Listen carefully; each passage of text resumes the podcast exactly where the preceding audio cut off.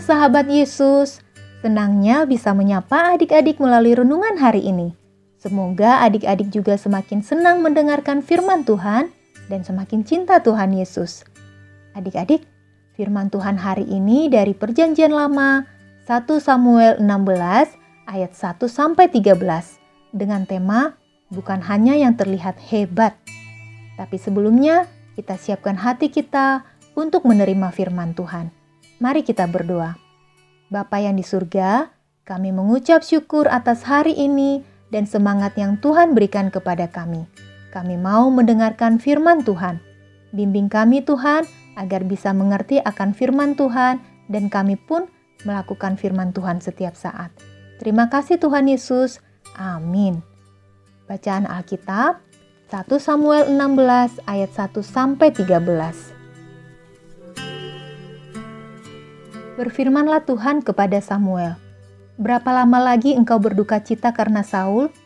Bukankah ia telah kutolak sebagai raja atas Israel?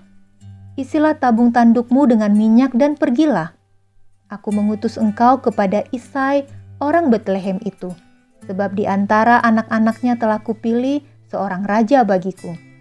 Tetapi Samuel berkata, Bagaimana mungkin aku pergi? Jika Saul mendengarnya, ia akan membunuh aku. Firman Tuhan, bawalah seekor lembu muda dan katakan, aku datang untuk mempersembahkan korban kepada Tuhan. Kemudian, undanglah Isai ke upacara pengorbanan itu. Lalu aku akan memberitahukan kepadamu apa yang harus kau perbuat. Urapilah bagiku orang yang akan kusebut kepadamu. Samuel berbuat seperti yang difirmankan Tuhan, dan tibalah ia di kota Bethlehem. Para tua-tua di kota itu datang mendapatkannya dengan gemetar dan berkata, "Adakah kedatanganmu ini membawa selamat?" Jawabnya, "Ya, benar. Aku datang untuk mempersembahkan korban kepada Tuhan.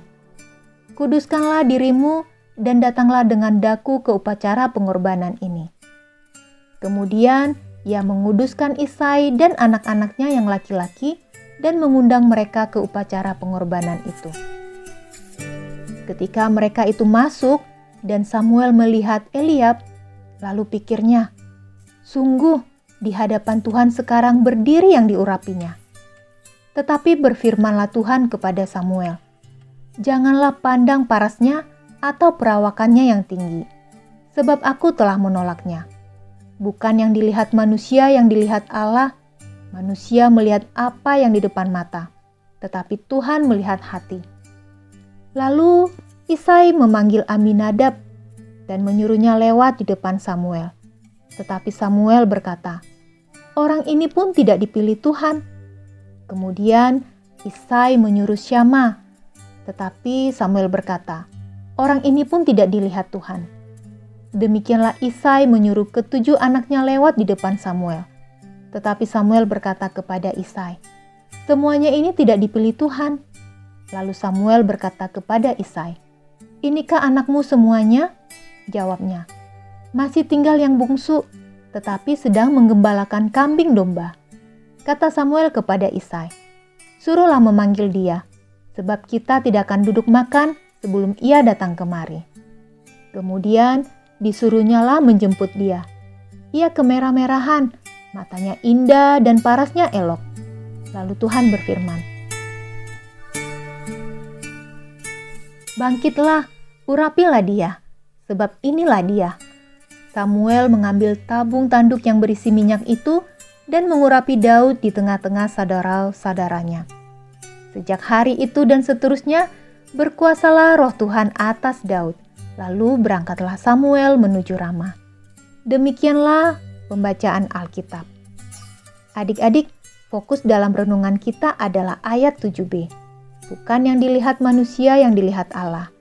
Manusia melihat apa yang di depan mata, tetapi Tuhan melihat hati.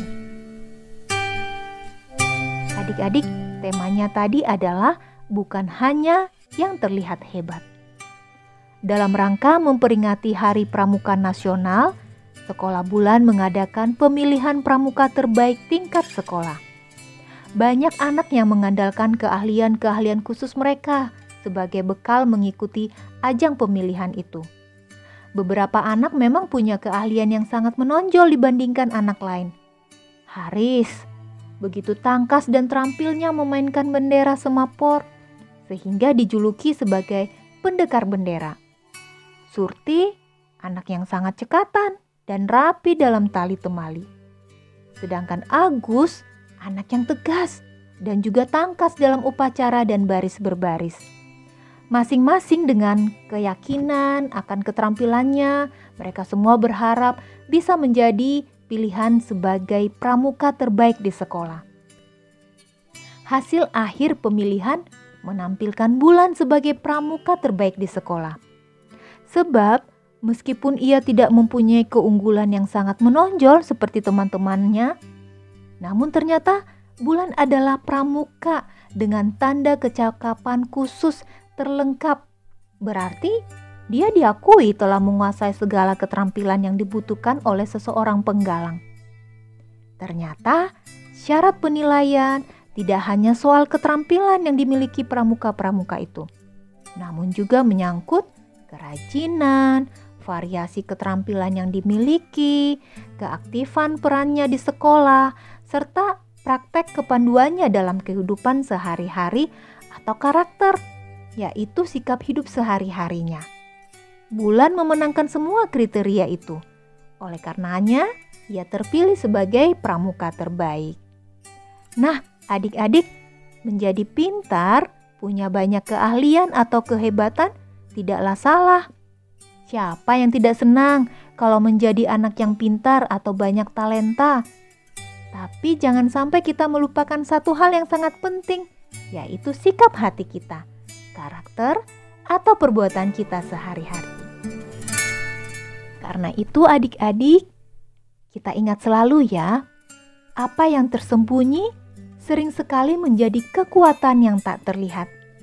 Sekali lagi, ya, apa yang tersembunyi sering sekali menjadi kekuatan yang tak terlihat. Adik-adik, kita tutup renungan ini dengan berdoa. Bapa di sorga, kami sering membanggakan kelebihan kami, tapi kami juga kurang mampu memperbaiki sikap dan perbuatan kami. Tolong kami, Tuhan. Kami mau belajar agar semakin memperbaiki karakter atau sikap kami, yang semua itu berasal dari hati yang baik, hati yang tulus. Terima kasih, Tuhan. Dalam nama Tuhan Yesus, kami berdoa. Amin. Adik-adik, demikian renungan hari ini. Tuhan Yesus memberkati kita semuanya.